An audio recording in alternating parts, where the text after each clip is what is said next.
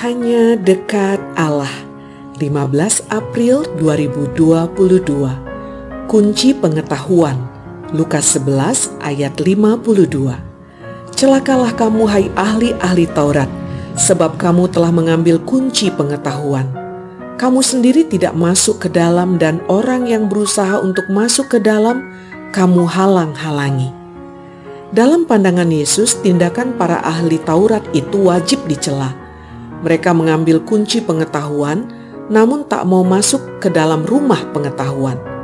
Anehnya, mereka menghalang-halangi orang yang ingin masuk ke dalam rumah pengetahuan itu. Tindakan para ahli Taurat itu bisa dikatakan absurd kalau kita tidak mau mengatakan jahat. Dalam Alkitab Bahasa Indonesia masa kini tertera, "Celakalah kalian guru-guru agama."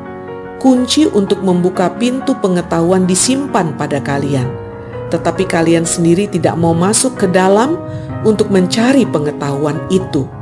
Sebaliknya, kalian menghalang-halangi orang-orang yang berusaha masuk ke dalamnya.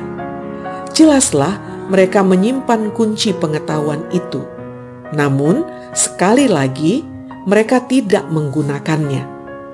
Lalu, buat apa kunci itu kalau tidak digunakan?